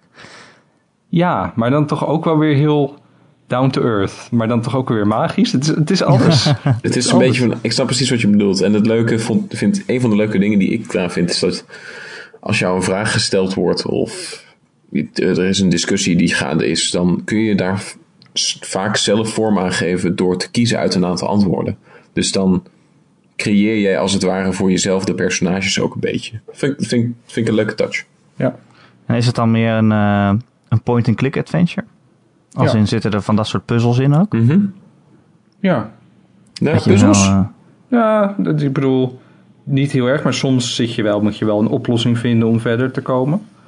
Volgens mij was het bij aflevering 1 en 2 vooral dat je wel een beetje moet opletten en een bepaalde hendel moet overlaten hier en daar. Maar het, dat is heel klein. De nadruk ligt vooral op, op, op de, de reis en de dialogen en het gewoon beleven en meemaken. Ja. Oké. Eh, nou ben ik iemand die meestal als ik hoor episodische game, dan wacht ik tot alle afleveringen uit zijn. En dan eh, ga ik het dan pas eh, spelen. Dat doe ik bij alle Telltale games meestal. Omdat ik gewoon niet wil... eh, die hebben altijd een, een, eh, een cliffhanger aan het eind. En ik wil gewoon niet zo lang wachten. Want dan eh, tegen de tijd, zes maanden later, als de volgende aflevering er is... dan ben ik alweer vergeten wat de cliffhanger ook alweer was. Ja. Ehm, ja, ik hoor al wel vaker iets over Kentucky Route Zero. En dan denk ik, ben ik wel eens geïnteresseerd. Maar ik zit eigenlijk te wachten tot het klaar is. Is dat dan slim? Er komt nog één aflevering uit, nog één, één acte. Ehm, er zat tussen acte 3 en 4 zat wel enkele jaren, dus het zou ook nog ja. even kunnen duren. Maar het, het is wel vergeleken dan met die Telltale Games inderdaad, met een cliffhanger. Ehm, het gaat hier minder om het overkoepelende verhaal. Dat, dat is eigenlijk weinig relevant. Het gaat heel erg om het genieten van de momenten, de dialogen en, en, en de settings en de scènes. Ja. En dan maakt het minder uit van dat je alles nog precies weet van de vorige afleveringen. Ja, voor mij is dat precies zo. Eh, hoe ik het tot nu toe heb ervaren is, ik speel dingen als ze uitkomen, of de actes in dit geval. En ik neem inderdaad, uiteindelijk komt het terug op een heel simpel ding voor mij. Ik ben, ik ben, of je speelt iemand die een pakketje probeert te bezorgen, ergens. En dat is dat gegeven, dat, dat, dat heb ik altijd. En dat is eigenlijk ook ja, het hoofdding dat, dat stuurt jou voort. Dus daar kom ik dan telkens op terug. Ja, ja, maar het is niet zo dat je, als er inderdaad een paar jaar tussen zit, dat er dan personages zijn waarvan je vergeten bent wie het ook weer waren of zo. Oh, jawel. Nee, ja, zeker. Abs- absoluut hoor. Ik bedoel, het is niet alsof, ik, eh, alsof je iedereen kan onthouden. Maar het maakt niet heel veel uit, omdat het een reis is waarin je mensen tegenkomt en ook weer achterlaat. En, want, want dat is een reis, toch? Ja, dat is Het leven. het leven, zo is het leven. Ja. Voor, voor mij was het hoogtepunt van, van de serie tot nu toe was aflevering 3. dat heb je dan ook gezien, Kevin. Op een gegeven Mhm. moment is er dan... Ik weet niet meer waar precies. Volgens mij gewoon zo'n zo'n bar aan, aan de weg ergens... waar je dan terechtkomt en even een momentje neemt. En er wordt dan een concert opgevoerd. En dat is Ja. zo'n mooie scène... waarin op een gegeven moment... doet de hele wereld er even niet meer aan toe. En dan, dan dat verdwijnt ook zeg maar bijna letterlijk in het scherm. En dan kijk je gewoon toe naar hoe naar dat optreden en hoe mooi dat optreden is. En dan zit je daar even helemaal in en dan kom je weer terug en dan ben je weer in die wereld en in die game. Maar dat was echt zo'n mooi magisch moment dat voor mij dat het heel krachtig was. Dat Ja, dat, ik weet precies wat je bedoelt. Dat is voor mij ook een van de hoogtepunten geweest. ja. Leuk. Ik ben benieuwd. Misschien eh, ga ik er dan toch eh, aan beginnen. Ehm, Kevin, eh, om even een grotere sprong te maken. Je hebt ook een sp- spel gespeeld waar ik wel benieuwd naar was. Maar daar hoor ik ineens iedereen over. Eh, Snakebird. Snakebird is super tof. Ja, wat Ja. is dat nou? iedereen Snakebird zit er is, steeds over. ja, dat is een puzzelgame. Ja, hij is al een tijdje geleden uitgekomen voor de PC. En het idee is, je bent een, eh, een snakebird. Natuurlijk. Ja. zoals, zoals men eh, snakebirds kent. Ja, En- in de natuur. Ja, het, het, het heeft de... Het idee van Snake is dat je een slang bent inderdaad en je, je pakt dingetjes En- op en en daardoor word je langer, hè? Dat, dat is Ja, idee gewoon, van gewoon Snake, de game bedoel je? Snake the Game. Ja, ja. Niet Snake de slang. Nee. Of Snake Snake. Snake. Snake. Snake, eh, Solid Snake. Snake. Solid Snake. Snake. Ehm, dat, dat concept hebben ze in principe gepakt en hebben ze omgezet naar een puzzelgame. Want in Snakebird eh, speel jij een vogel met slangachtige capaciteiten. Ja, oké. Ja, of nou, je bestu- bestuurt vogeltjes. Anyway, eh, door eh, naar links of naar rechts of omhoog of omlaag op het scherm te swipen, afhankelijk van waar Snakebird zit, kun je hem bewegen over het veld. Het hele ding is alleen, je kan niet achteruit, je kan niet door muren, je, kan, je moet altijd ergens op leunen, anders val je naar je dood en dan kun je opnieuw beginnen. Maar je moet altijd alle stukjes fruit of weet ik veel wat er door het veld ehm, verspreid is, verzamelen. Eh, voordat je de portal kan openen om te ontsnappen. Dus. Zou je denken, dat is, dat is enigszins. klinkt makkelijk, het, het, ja. het klinkt makkelijk. Het is een simpel concept ook. Als je het ziet en het oppikt, dan klikt waarschijnlijk ook gelijk van: oh, dit is de bedoeling, ik snap het. Ja. Maar Het dan is is ook, er zeg zo'n maar- ontzettend moeilijke puzzelgame meegebouwd. Het is ook zo, door die kleurtjes denk je van, ah, dit is gewoon een vrolijk leuk spelletje. Het is ook heel vrolijk en de, de muziek is ook heel vrolijk. En alle, alle geluidjes zijn heel vrolijk. En, en, en de animaties zijn heel vrolijk. En ook heel goed trouwens. Het is, het is een hele leuke game om te zien. Maar dat is goed, want puzzelgames die mij inferieur laten voelen. Aan de, want dat is precies wat deze game doet. Ik, word er, ik word er een beetje onzeker van. Ehm, ik ben blij dat ik mijn telefoon niet tegen de muur aansmijt. En dat komt gedeeltelijk door eh, deze muziekjes en de geluidjes en de animaties. in de lieve wereld eh, waarin het zich afspeelt. Ja. Spelen jullie? Ik heb hem voor de PC gespeeld toen hij dus een tijd terug al uitkwam. Eh, best wel een eindje ver gekomen, maar ik heb het inmiddels wel opgegeven. maar het is, het is echt een hele, hele moeilijke game. En je raakt gefrustreerd, je gaat inderdaad twijfelen aan jezelf. En de, het, de opzet is simpel. Waarom zie ik het dan niet? Wat de oplossing is. En dat je dan, als je dan eindelijk de oplossing vindt en dan blij bent, en dan is het volgende level nog moeilijker. En dan kun je weer helemaal opnieuw beginnen, weer met die twijfels en die ellende. En dat je, dat je wil stoppen, maar dan toch weer nog een keer opstart en weer gaat kijken. En toen, toen dacht ik al van, nou, als dit, als dit op, een, eh, een, een, op, op een smartphone was, dan zou ik nog meer doorgaan, zeg maar, omdat je hem elke keer even kan starten. Dus misschien ga ik hem nu nog een keer kopen voor, voor, voor Android of voor iPhone. Ja, dan ga ik weer verder. Maar op de PC ben ik op een gegeven moment gestopt. Want het is zo moeilijk. Ja, het is echt ontzettend moeilijk. Maar de eerste tien levels zijn gratis. Dus dan weet je ook gelijk van, nou, ik vind het echt totaal niet leuk of wel. Oh, dat is wel nice. Ja. Dat was op de PC niet zo. Maar dat is wel Nee. een, een tof systeem voor, voor eh, iOS. En Ja, ik zit ook ram, ik zit echt helemaal vast hoor. Ik heb 10 levels gespeeld of zo. Ik kom ook gewoon niet verder. Ik, weet, Nee. ik heb hem wel gekocht. Ik, ik weet het gewoon. Ik weet het niet. Ja. Het klinkt Ik als Wit- The Witness voor Snakebirds. Ik vind het wel fijn dat je dan dat je speelt dus levels vrij terwijl je speelt. En je krijgt wel Mhm. keuzes soms. Er zit een soort van paden die je kan nemen. En je hebt niet dat je maar één puzzel kan doen en dat je anders niet verder komt. Je hebt wel vaak meerdere puzzels om je heen waar je dan mee bezig kan gaan om, om eventueel verder te kunnen. En zo kun je altijd weer even naar een andere puzzel wisselen als je het dan toch niet weet. En dan, dan- misschien weet je het daar dan, maar meestal niet. Maar je, je weet maar nooit. Oké. Ehm, het is, dus je kan het gewoon gratis uitproberen, Kevin. De eerste tien eh, leveltjes. Eh, ja, klopt. De eerste 10 levels zijn gratis speelbaar. Ik weet dat die downloadbaar is voor iOS. Ik weet eigenlijk niet of hij uit is op Google Play. Het zou Ja. kunnen. Ik denk het wel. Ja, en hij staat op, eh, in de Play Store. Lopen wij Android-gebruikers anders weer achter? Dat kan natuurlijk niet. Nee, nee, nee. Ik ga, hem gelijk, eh, ik ga hem gelijk downloaden. Klinkt leuk. Nice. Ik hoor hem al. Is dit het, eh, is dit het een deuntje, Kevin? Word je, word je er al rustig van? Ik vind het meer als een pornomuziekje klinken. Ik word helemaal sereen. Ik had allemaal traumagevoelens omhoog. Help. Ja, Eh, leuk spel. Hè? Leuk spelie. Oké, het lijkt me Ja. leuk. Ik ga het Ja. proberen, omdat jij het zegt. Eh, ik heb ook een leuk spelje gespeeld. Eh, namelijk eh, I Am Setsuna. Eh, op de PlayStation 4. En hij is ook op PC uit, eh, volgens mij.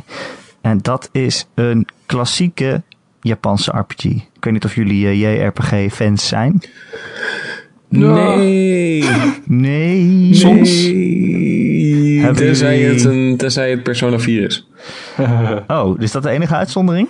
Dat is denk ik de enige uitzondering waar ik echt hard op ben gegaan. Oh, of Nino Kuni, die vind ik ook cool. Oh, Nino Kuni. Hebben Kuni. jullie dan toevallig Chrono Trigger gespeeld? Nee. Ik ook niet. Oh, oké. Nou, Chrono Trigger is natuurlijk een, een, een echte, echte klassieker. Eh, en I Am Setsuna wil eigenlijk daar eh, een, een ode aan geven. Het is eh, de eerste game van Tokyo RPG Factory. Dat is die studio die is opgezet door Square Enix. En eh, hun enige bestaansrecht is eigenlijk om, eh, om RPG's te maken. Precies in de stijl van, eh, van de jaren negentig. Dus denk inderdaad aan Chrono Trigger of nou, de oude Final Fantasies. Die, die, die voor zeven, zeg maar. Ehm, dat soort dingen. En ja, dat hebben ze dus echt exact gedaan. Het is zo'n RPG die je van, van schuin boven ziet. Met, met, met schattige, wat vroeger sprites waren, maar nu wel iets meer gemodelleerde poppetjes zijn. En, eh, en daarmee loop je rond in een wereld. En eh, ja, het is ook precies zo'n simpel RPG-verhaaltje als in de jaren negentig. Hm. je, je, je, speelt dan iemand die wordt op pad gestuurd, eigenlijk om, om een meisje te, te vermoorden. Maar als je haar ontmoet, dan kom je erachter dat zij een soort een, een, een offer is. Zij moet een reis maken en zichzelf opofferen om, om de, de boze monsters in de wereld tegen te houden. Nou ja, dat is toch wel echt een, een cliché verhaaltje. Hè? Een- Ja, dat Ja. klinkt als Final Fantasy 10. ja, dat, dat schreef ik ook in de review. Het is Ah. gewoon precies Final Fantasy 10. Ehm, eh, dus ja, jij besluit om, je, om, om daarbij aan te sluiten en haar te beschermen in plaats van het te vermoorden. En eh, ja, zo maak je eigenlijk een reis door, door de- de besneeuwde wereld waar dit zich in afspeelt. En eh, dan moet je veilig het einde zien te halen. Ehm, er zijn ook dingen als een world map waar je doorheen loopt. Het ziet een beetje uit als Final Fantasy 7. Dat je wel eh, tussen de stadjes erdoor loopt. Maar eh, het is eigenlijk, eigenlijk is dat meer voor de vorm dan voor iets anders. Want je loopt door die map heen, maar er zijn daar niet heel veel geheimpjes te vinden. Wel af en toe een item, maar ook niet echt heel veel. En er zijn ook geen, geen random encounters, geen, geen willekeurige gevechten die je daar tegenkomt eh, waarmee je kan levelen. Dus die, die map die is echt eigenlijk alleen maar bedoeld om van het ene dorpje naar het andere te lopen. Sorry, zijn er nog geen random encounters? Nee, geen random encounters. Ah, oké. Ja, dat, is, dat, dat, dat scheelt een hoop, hè? Ja, Ja. dat kan zo irritant zijn in die, eh, in die spellen. Ja, ik ben geen fan. Nee, maar ja, en, en het heeft eigenlijk gewoon eh, het combat systeem van, eh, van Chrono Trigger bijna één op één. Ja, gejat kan je het niet zeggen, want het is natuurlijk gewoon Square Enix, maar gewoon Overgenomen. overgenomen, als inspiratiebron gebruikt. Hm. Het is wel turn-based, dus je hebt drie poppetjes in het veld. En die hebben allemaal een balkje en die, die, die vult langzaam. En als die vol is, dan kan je een actie kiezen. Maar het is tegelijkertijd ook gewoon real-time. Want zolang jij niet een actie gaat kiezen, loopt de tijd gewoon door en kunnen vijanden jou aanvallen. Ehm, en er zit ook nog een leuke mechaniek in dat eh, als je aan de beurt bent, maar je laat de tijd gewoon vooruit gaan, dan uh, kun je nog sterkere aanvallen uitvoeren. Dus het wordt een beetje een tactische keuze van oké, ga ik nu uh, een, een, aanval doen of wacht ik nog om, om nog sterker te worden en iemand in één keer om te kunnen brengen. Um, ja, het is, het is op zich wel echt heel leuk gedaan. Het is een mooie ode aan, aan oude JRPG's en mensen die die games, die daarmee op zijn gegroeid, zo is, zoals ik dat eigenlijk ben. Die gaan hier heel veel heel veel plezier aan beleven. Hmm. Uh, het enige jammer is wel dat het wel... Kijk, het is bedoeld voor verstokte JRPG-fans zoals ik. Maar tegelijkertijd is het ook wel best wel heel erg makkelijk. Uh, je kan de meeste gevechten, die kan je met dezelfde twee of drie moves... die kun je dan gewoon in één keer doorlopen. Uh, dus op een gegeven moment ben je dan heb je zo'n tactiek. Dan, ik deed dan elke keer... dat ik één gast met een zwaardje, die kan dan zo ronddraaien. Daarmee raakt hij alle vijanden tegelijk. En dan de volgende gast die kan de lucht in springen en dan neerkomen. Daarmee raakt hij ook alle vijanden tegelijk. En met die twee dingen, is 90% van alle gevechten had je daarmee al wel gewonnen. Hm. En dan, klinkt uh, goed. Ja, dat klinkt inderdaad als iets dat behapbaar is. Ja. ja, dat is wel zo. Maar het, het is jammer dat ze zo'n op zich een heel leuk uh, vechtsysteem hebben. En daar ook nog allemaal uh, eigen dingetjes aan toe hebben gevoegd. Maar dat je dat vervolgens allemaal helemaal niet nodig hebt. Dus je Hmm. hoeft geen tactiek te verzinnen om, om te kunnen winnen. Want uh, je blaast er eigenlijk toch wel doorheen. En dat maakt het al een beetje jammer. Er zijn wel een aantal baasgevechten die het nog wel uh, spannend maken. Maar uh, ja, uiteindelijk kan je elke keer wel op dezelfde manier winnen. Dat vond ik toch wel jammer. Ja.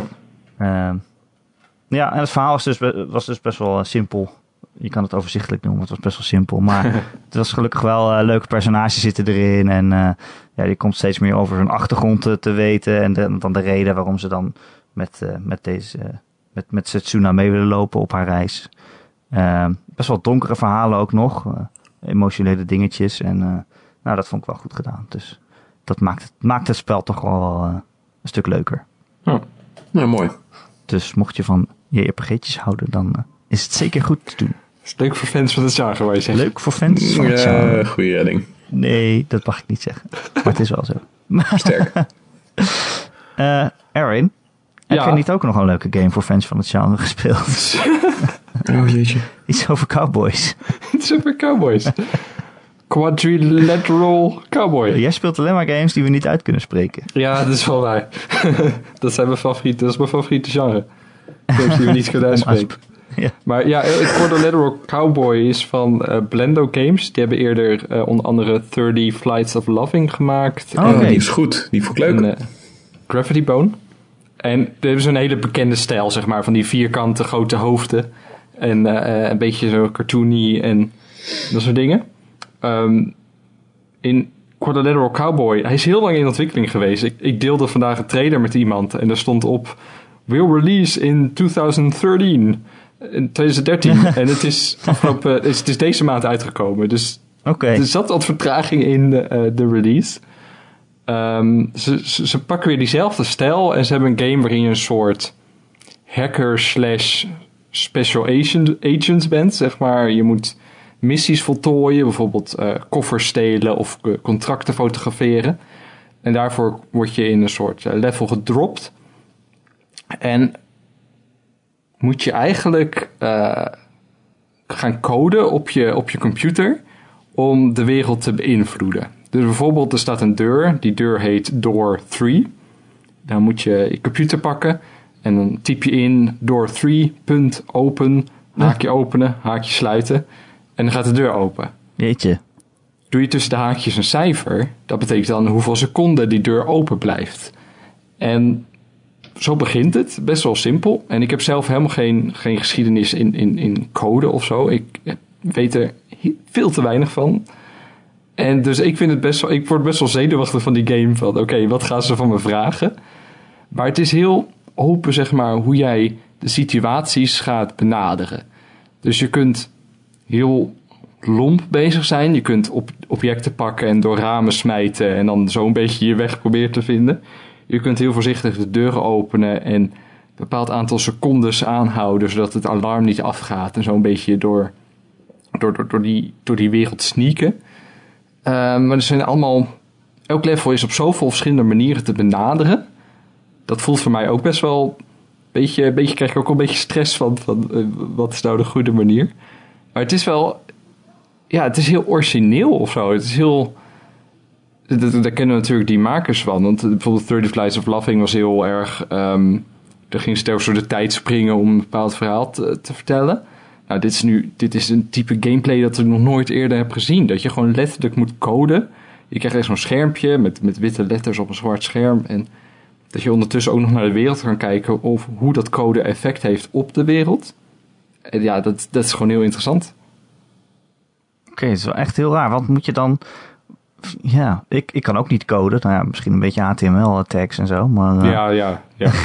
dat kan ik ook nog wel, ja. maar zit je, dat- moet je, dat zit je dan allemaal in te typen? Moet je dat ook snel doen? Of, eh? Je moet het, eh, je moet het intypen. Eh, soms zit er wel een soort eh, tijdding aan. Bijvoorbeeld de, in, in de, een van de eerste levels. Ik, heb nog niet, ik ben nog niet heel ver eh, gekomen. Maar dit is bijvoorbeeld... Je moet zo'n... ehm, ik weet niet hoe dat heet. Dat je vroeger altijd bij die postbedrijven... Dan doe je zo'n ding in zo'n buis en dan schiet het weg. ja. Zo'n- Oh, pneumatic tube. is dat een pneumatic tube? Ja, volgens mij wel, toch? Top. Nou, dan weet ik dat eh, vanaf nu. Dan moet je soms zo'n eh, code door laten bezorgen. En op die code dat is dan de manier waarop je door een deur heen kan. Maar die code gaat dan, eh, die pneumatic tube, gaat dan door eh, lasers heen. Maar als die door die lasers heen gaat, dan gaat het alarm af en dan wordt die code vernietigd. Dus je moet zorgen dat die lasers afgaan. Dus dan doe je eerst, druk je de knoppen in dat die code bezorgd wordt. En dan zie je hem door die tube gaan. en dan ga je snel naar je computer en dan typ je in van eh, laser 9 punt Oh, disable, haakje open, haakje sluiten. En dan punt komma eh, laser 10, dat zijn er twee lasers. En die ook punt disable, haakje open, haakje sluiten. En dan snel activeren. Eh, en dan nog drie seconden, want dan gaat het alarm af. En dan net als, Ja. die, als die code langs die laser gaat, dat die dan net uitgaat. En, eh, maar je snapt waarom ik zoveel stress heb voor deze game. Ja, Ja. ja ik, ik kan me... Dat, oef, nee, inderdaad. ja. Is het een beetje Hacknet gemixt met Hitman? Ah, Jeetje. jeetje. Ja, het een is heel erg jeetje. nou, dat klinkt wel leuk. Is het, is het leuk ook? Is het een leuk spel? Is het een leuk spel? Ja, het is, het, is heel, ja, ja, het is heel leuk. De, de hele aankleding is ook tof qua muziek en hoe het eruit ziet en hoe het werkt. Je, je kiest dan zo'n missie en je kijkt eigenlijk in zo'n soort ouderwetse virtual reality setup waar je dan op klikt en dan gaat het hoofd zeg maar daar naartoe. En die werelden waarin je komt zijn ook een beetje half digitaal, half echt. Dus het ziet er allemaal net alsof het alsof iemand een level heeft gemaakt, maar de textures nog niet heeft ingeladen op bepaalde punten. en het is heel raar, maar het is, ja, het is gewoon super origineel. Het is iets wat je nog nooit gespeeld hebt, zoiets. En dat vind, dat vind ik altijd super interessant. Om iets te spelen wat ik nog nooit op zo'n manier heb Ja. ervaren. En, en nou, dat, dan, als je dat ook wil, dan zit je bij Collateral Cowboy echt wel aan het goede adres. Klinkt goed. Ja, ik ga hem op mijn verlanglijstje zetten. Ja, ik ook. Nice. Eh, Kevin, jij hebt nog eh, Doom gespeeld. Ja, jeetje. Is dat, Doom is nog steeds een hele goede game. Eh, ik hoor van veel mensen dat dat een betere game is dan je denkt. het is, ik, ik vind het... Ik had het niet verwacht. Ik had hem gekocht toen hij uitkwam. Ik zit hem nog steeds te spelen. Eh, Jeetje. ja. Doe je ook ik een multiplayer dan? Nee, nee, die is echt heel slecht. Ik vind die multiplayer niet zoveel aan. De snapmap is ook niet voor mij, waarin je eigen maps kan maken. Maar die singleplayer, wow, die singleplayer, die is goed. Ja? Zo. Ja, dat level design, dat overstemt alles. Maar je hebt hem nog steeds, heb je hem nog niet uitgespeeld dan? Omdat je hem nog steeds aan het spelen bent? Of- Ik heb vanmiddag level 11 gespeeld. Volgens mij moet ik er nog een paar. Oké, spannend. Wat Ja, maakt het eh, zo goed? Ten eerste, die actie is fantastisch. Gaat snel, hè? Ja, dat gaat heel rap. Eh, maar dat, dat, dat weten we natuurlijk al. Wat het voor mij zo goed maakt, zijn eh, de combinatie van eh, challenges die je per missie moet gaan doen. Of kunt gaan doen als bonus. Het, is een beetje een zij- het hoeft niet, maar het kan. En ik wil het allemaal doen. Ehm, de secrets die je kan vinden, die verstopt zitten in het level. Die je aan de hand van het uitstekende mappensysteem of het kaartsysteem. Map, map system, Map. kaarten, landkaarten. Hoe Wat noemen zeggen wij in wij het is heel verwarrend even. Je bent helemaal van de kaart, ik Ja, al. ik ben even helemaal van de kaart. Maar goed. Root. eh, dat mapsysteem is uitstekend, want dan kun je draaien en zoomen en weet ik veel. Dan kun je zien wat je mist en wat er ontbreekt. En dat zie je ook heel overzichtelijk in je, in je menustructuur. Je hebt heel veel collectibles met wat extra informatie, et cetera. En dat is een, zou een beetje, zou je denken van dat is suf, maar dat wordt verbonden aan de challenges, omdat je bijvoorbeeld ehm, twee Gecko Demons tegelijkertijd moet vermoorden. Nou, ik, heb, ik weet dan niet wat eh, een Gecko Demon is, want ik heb de originele Dooms nooit gespeeld. Oh. Maar dan kan ik die informatie wel terugvinden daar weer tussen. En dat is allemaal leuk en zo. Dus dan ben je net wat speurwerk aan het doen over hoe je je situatie het beste kan aanpakken. Want daarnaast heb je nog runes met speciale uitdagingen. Die je kan upgraden door speciale ja, handelingen uit te voeren. Weet ik veel, eh 2500 armorpunten te verzamelen. Of eh, ehm, 25 eh, Death from Above Glory Kills te doen. Dus dat betekent dat je van boven springt en dan eh, de genadeklap uitdeelt. En dat is tof. Eh, en alle wapens hebben twee masteries. Dus dan kun je daar upgrades voor vinden. Die eh, veranderen de manier hoe je het gebruikt. Bijvoorbeeld de shotgun die heeft dan een, een snelle vuurmodus waarmee die in één keer drie keer schiet. eh, of een granaat lanceert. En die hebben allebei een eigen upgrade tree. En als je die upgrade tree hebt voltooid, dan heb je nog een mastery. En dan die mastery, dat is dan weer een uitdaging om bijvoorbeeld, eh, wat was het ook alweer? Eh, met de rocket launcher. En die heeft dan een zoom in, of een, een, tracking modus. Waarbij je die in één keer drie raketten op, de, op één specifieke vijand afvuurt. En als je daarmee vijf van één soort vijand vermoordt, dan heb je die mastery voltooid, krijg je weer een bonus aan hoe dat wapen. Je bent dus de hele tijd met al die dingen bezig, tegelijkertijd, in combinatie met die toffe actie. En daar komt heel erg veel denkwerk bij kijken. Dus ik sta elke vijf meter sta ik stil van oké, kan ik daar nog heen? Kan ik daar, hoe zit het ook weer met mijn wapens? Kan ik nu het beste mijn shotgun gebruiken om meerdere vijanden tegelijkertijd per schot neer te krijgen? Want dan krijg ik mijn mastery nog sneller. Of moet ik beter dat doen of kan ik beter dat doen? Je bent de hele tijd aan het optimaliseren eh, en zo efficiënt mogelijk proberen te spelen.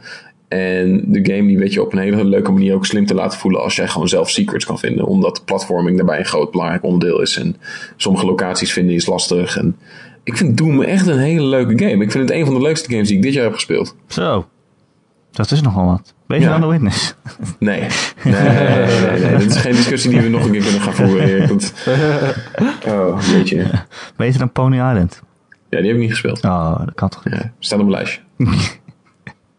Nou, klinkt leuk. Ja, ik, ik, waar speel je het eigenlijk op? Op Ik speel op? PlayStation 4, maar dat kan ik niet per se aanraden. Omdat mijn PlayStation 4 heb ik het idee dat die ontploft elke keer als ik dat die game speel. Oh shit. Ik weet niet of jullie Doom hebben gespeeld op de PlayStation 4. Als jullie dat hebben geprobeerd. ehm, dan zul je waarschijnlijk hebben gemerkt dat hij opstijgt als je speelt. Ik heb sowieso de laatste tijd dat mijn PlayStation 4 heel veel herrie maakt. Ja, hij hij is, echt hij is ontzettend luid. Ik heb nog nooit een console zoveel geluid horen maken terwijl ik Doom speel op dat ding. Ik weet niet of het op de Xbox beter is trouwens hoor. Maar ik, als je het kan, speel het dan gewoon op PC. Ik heb er best wel vaak tegenwoordig last van in, eh, vaak in menus als je zit. Bijvoorbeeld bij Uncharted 4. Als ik de game speelde was er niet zoveel aan de hand. Maar als ik dan op pauze zette, nou, dat... eh, Ja, dat deed hij ook bij mij. Dat is, dat is raar. Ja. Maar dan is dan, dan wordt, volgens mij is dat een ding dat ehm framerate, dat er geen eh, maximum op zit als je in een menu zit. Dat is zo'n instelling wat de Ah. ontwikkelaars vergeten of zo. Ja, Dus dan gaat hij helemaal los als je in het menu zit en dan, eh, ja, dan ontploft je Playstation. Dat is nooit goed. Maar het Ja. is ook gewoon heel warm buiten nu. Is Volgens het heeft dat er ook mee te maken. Ja. Hij heeft het al warm en dan hij kan het nergens kwijt. Ja, een ding. Misschien, eh, misschien kan Nio er beter mee omgaan. Eh, wie weet. Laat het hopen. Ik weet niet of ik hem ga kopen, maar... Nee, ik weet het niet. Nee. Eh, we hebben heel veel games gehad eh, vandaag. Oh, ik had Ja? nog, nog één game gespeeld. Vertel. Eh, Fury. oh ja, oh ja. Fury, met een i aan het eind. Dat was een game die was eh, of is nog gratis op PlayStation Plus. Eh, ik, eh, man, ik vind hem echt zo cool. Ja? Wat een cool spel is dat. Ik wist er helemaal niks van eh, toen ik hem ging spelen. Maar ik dacht, oh, het is een gratis spel, laat ik het eens proberen. Nou ja, het enige wat ik wel gelezen had was... eh, het is een spel met alleen maar baasgevechten. Eh, en dat is ook zo. Ik weet niet hoeveel te zijn. Maar je gaat van de ene baas eh, naar de andere. En eh, eigenlijk heeft elke baas twee verschillende stukjes die je moet doorspelen. Het eerste stuk, dan is het een, een twin-stick shooter. Waar ik dus echt heel erg van hou toevallig. Dus dat kwam mooi uit. Dus je, loopt met het linkerpookje en met het rechterpookje schiet je. En het is heel snelle actie, want die bazen die zijn eh, ook eh, heel erg snel. En die vuren heel veel kogels en heel veel verschillende soorten kogels. En sommige kogels kun je wel kapot schieten en sommige niet. Ehm, maar je kan ook uh, dodgen. door op X te drukken, dan ga je heel snel een bepaalde kant op. En dan kan je het zo snel ontwijken. En dat moet je dus de hele tijd doen, want anders word je geraakt. En je kan bijvoorbeeld ook om de vijand heen dodgen en hem dan van achteren slaan. Dat soort dingen. Als hij net met iets anders bezig is. Dus het is gewoon heel erg snel. Ehm, en elke baas duurt ook wel iets van 20 minuten. Want je hebt dus dat twin stick stuk. Hè? Dat is lang. Ja. Dat is best lang inderdaad. Ja, want je hebt dus dat twin stick, twin stick shooter stukje gehad. En dan daarna uh, dan is hij een soort van kwetsbaar. Dan, dan krijg je een soort melee gevechtje. Dus uh, dan, dan, moet je iets dichter bij elkaar staan. Dan kan je niet meer door het hele level heen lopen. Maar dan sta je dicht bij elkaar. En dan, uh, uh, ja, heeft, heeft zo'n baas weer verschillende soorten aanvallen. En, en, dan moet je ook weer een beetje het patroon leren kennen. Want sommige aanvallen moet je ontwijken. En sommige aanvallen moet je juist blokkeren. En als je dat goed doet, dan, dan, heb je een soort van window of opportunity dat je die tegenstander een paar keer kan slaan. En die twee, die twee stukjes wisselen elkaar steeds af. En volgens mij elke baas die, die heeft vijf keer dat. Dus vijf keer twin stick shooter en vijf keer een melee stukje. Um, nou, je mag wel tussendoor doodgaan. Dat, je hebt iets van drie, drie levens tussen aanhalingstekens. Eigenlijk elk stukje gaat erom van wie heeft elkaar als eerste dood, weet je wel. En als jij, als jij als eerste dood bent, dan krijgt de baas weer uh, als een helft erbij. Maar als jij hem als eerste dood hebt, dan krijg jij ook wel je helft erbij. Dus dat, dat scheelt weer. Maar het is wel inderdaad 20 minuten per baas zoiets. En je moet het wel maar elke keer overleven. En het is dus best wel heel erg moeilijk. Dus het is wel zo'n spel dat wat je wel echt heel erg kan frustreren. Omdat je net heel ver bent. Maar dan na een kwartier uh, heeft hij weer allerlei nieuwe aanvallen. Waarvan je het patroon moet, uh, moet ontdekken. Van wat je er precies het beste tegen kan doen. Uh, dus je moet heel snel leren. Of je moet het steeds weer opnieuw doen. Ik krijg er niet heel veel zin in. Jawel, het is wel echt leuk. Ja, je moet okay. jezelf toch wel willen uitdagen. Dat is toch... ja, ik hou er wel van. Maar af en toe moet je een beetje masochistisch zijn, Erwin. Ja, is ook zo. Dat is goed voor je. maar uh, ja, Fury, ja, het was gratis bij PlayStation Plus, dus uh, je kan het uitproberen. Ja. Er is geen centje pijn. Ja, wellicht. Hoe is het checkpoint systeem? Um, ja, na elke baas. Hmm. je kan niet tussendoor saven volgens mij. Hmm. Mm. Mm. Maar het maakt het ook wel weer juist wel extra, geeft wel extra voldoening als je hem dan uiteindelijk toch dood hebt. Het is misschien wel irritant om elke keer, als je elke keer opnieuw moet beginnen, maar... Ja, ik vind het vooral frustrerend als je dan, als in de gameplay verwerkt zit, dat je dus inderdaad van die nieuwe patronen moet leren. Want zonder dat te leren kun je het niet verslaan. Maar dan moet je toch altijd weer een keer opnieuw beginnen, omdat je anders die patronen niet kent. En dat is zo gedoe. Ja, maar het zijn geen uh, oneerlijke dingen die je niet aan kan zien komen. Oké. Okay. Het zijn wel van, oké, okay, kijk, zijn zwaard geeft nu licht. Dat betekent dat hij nu een melee attack gaat uitvoeren en die moet je blokken. Alleen ja, de een heeft misschien een andere soort melee attack dan, uh, dan, uh, dan de ander. Hm. Of een andere volgorde waarin hij dingen doet. Of het gaat steeds sneller, zoiets kan dat ook zijn. Maar het zijn niet de dingen waarvan je denkt, oké, okay, maar dit had ik nooit kunnen zien aankomen. Dit, dit, dat het trial and error wordt of zo. Dat is het niet. Oké. Je kan wel, uh, als, je, als je heel snel reflexen hebt, dan, uh, dan kun je alles wel uh, afweren in principe. Alleen moet wel snel zijn. heel snel. Maar goed, ik vind dat echt. Ja, dat is wel het fijne van, van Snakebird. Dat is dan ook heel moeilijk. maar ik kan gewoon lekker naar het scherm staren en niks Ja, doen. Gewoon een beetje kijken van. Ooit zie ik het. Ik blijf kijken, ik blijf staren. En op een gegeven moment zie ik het. Ik heb daar niks op tegen, inderdaad. En uh, ja, als je maar lang genoeg wacht, Erwin. Dan uh, is er vanzelf weer een nieuwe Gamer.nl podcast. Ja, joh, volgende week weer. Komt met namelijk me. elke maandag uit. Wauw. En dan kun je hem eh, downloaden op onze website gamer.nl. Of je kunt het eh, bekijken of via ons YouTube kanaal. En je kan je ook abonneren op iTunes. Dan krijg je vanzelf op al je Apple producten. Als je dat toch bent, vinden we het ook heel fijn als je een keer een recensie achterlaat. Misschien eh, dat je heel blij bent dat Ronde deze week niet was. Dat kan natuurlijk. Dat je nu dan vijf sterren geeft. En dan kun je ook een reactie achterlaten. Ik moet zeggen, ik mis onze Brabantse wervelstorm wel een beetje. Toch hoor. wel hè? Ja. Ik ben benieuwd Zeker. hoe het met de Opel Astra is. Ik ook. Ik denk dat we de volgende week alles over te weten komen. Ik hoop het vooral eigenlijk. Dit is alleen maar dit is een verhaal dat, dat op het punt staat te, te verteld te worden. Ja, het is een verhaal dat kun je niet, dat kun je niet bewaren. Dit moet verteld worden. Nee. Nee. Ons zei wel dat ik alle luisteraars rotjes moest doen. En een warme knuffel. Ah, Dat is wel lief. Maar jullie niet, hij zei alleen de luisteraars. oh. Oh. Heb je een vraag of een opmerking voor de podcast of een onderwerp dat je graag wil dat wij een keer behandelen? Dan kun je mij mailen, erik.gamer.nl. Erik, Ik heb wel een vraag. gamer.nl. Dan moet je me mailen. En wat, eh, wat is de vraag? Waarom krijgen wij geen knuffel van Ron? Ja, Ron. Ja, weet ik niet. Dan moet je aan Ron vragen. Hij zei, geef dat? alle luisteraars een warme knuffel van mij. Maar Jullie zijn ook probeert hij ons hart te breken Zijn jullie ook luisteraars? Krijg je... Ja, natuurlijk zeker. ben ik ook een luisteraar. Oh, nou, dan krijg je een warme knuffel van Ron. Yes. en jij warme-? Brabantse worstenknuffel. Krijg jij wel een knuffel? Hè? Krijg jij wel een knuffel van die, Ron van die ik, het is, wij zijn gewoon... eh, het, is, eh, het is een wonder als we niet bij elkaar op schoot zitten. Dat is waar, touché. Jullie zijn wel schattig stel. Dankjewel. Eh Kevin, Erwin, leuk dat jullie eh, wilden aanschuiven bij mij. Ja, leuk dat jij er was, Erik. Leuk dat ik er was. Erik, jij bedankt. Nee, jullie nemen de rol van Ron goed over. Ik ben heel blij. en eh, voor iedereen anders eh, graag tot volgende week.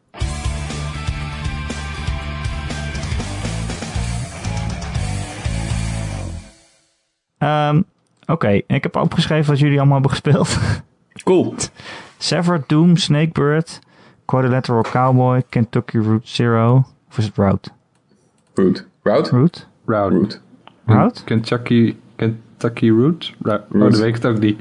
Route, Kentucky Route Route. in het Nederlands. Zo Kentucky Root Route gaan? Zero. Route. Kentucky Route? Route? Route, denk ik. Route. Ja. Route? Route? Root. Het is Route 66. Oh, wacht. Jif? ik ne- Get your kicks on Route 66. Dus is het Route. Route Dat is waar. Het is niet Ja, Route Route. 66. Ja, dat, klinkt, dat klinkt echt heel but. Namelijk. Goed punt. Goed punt.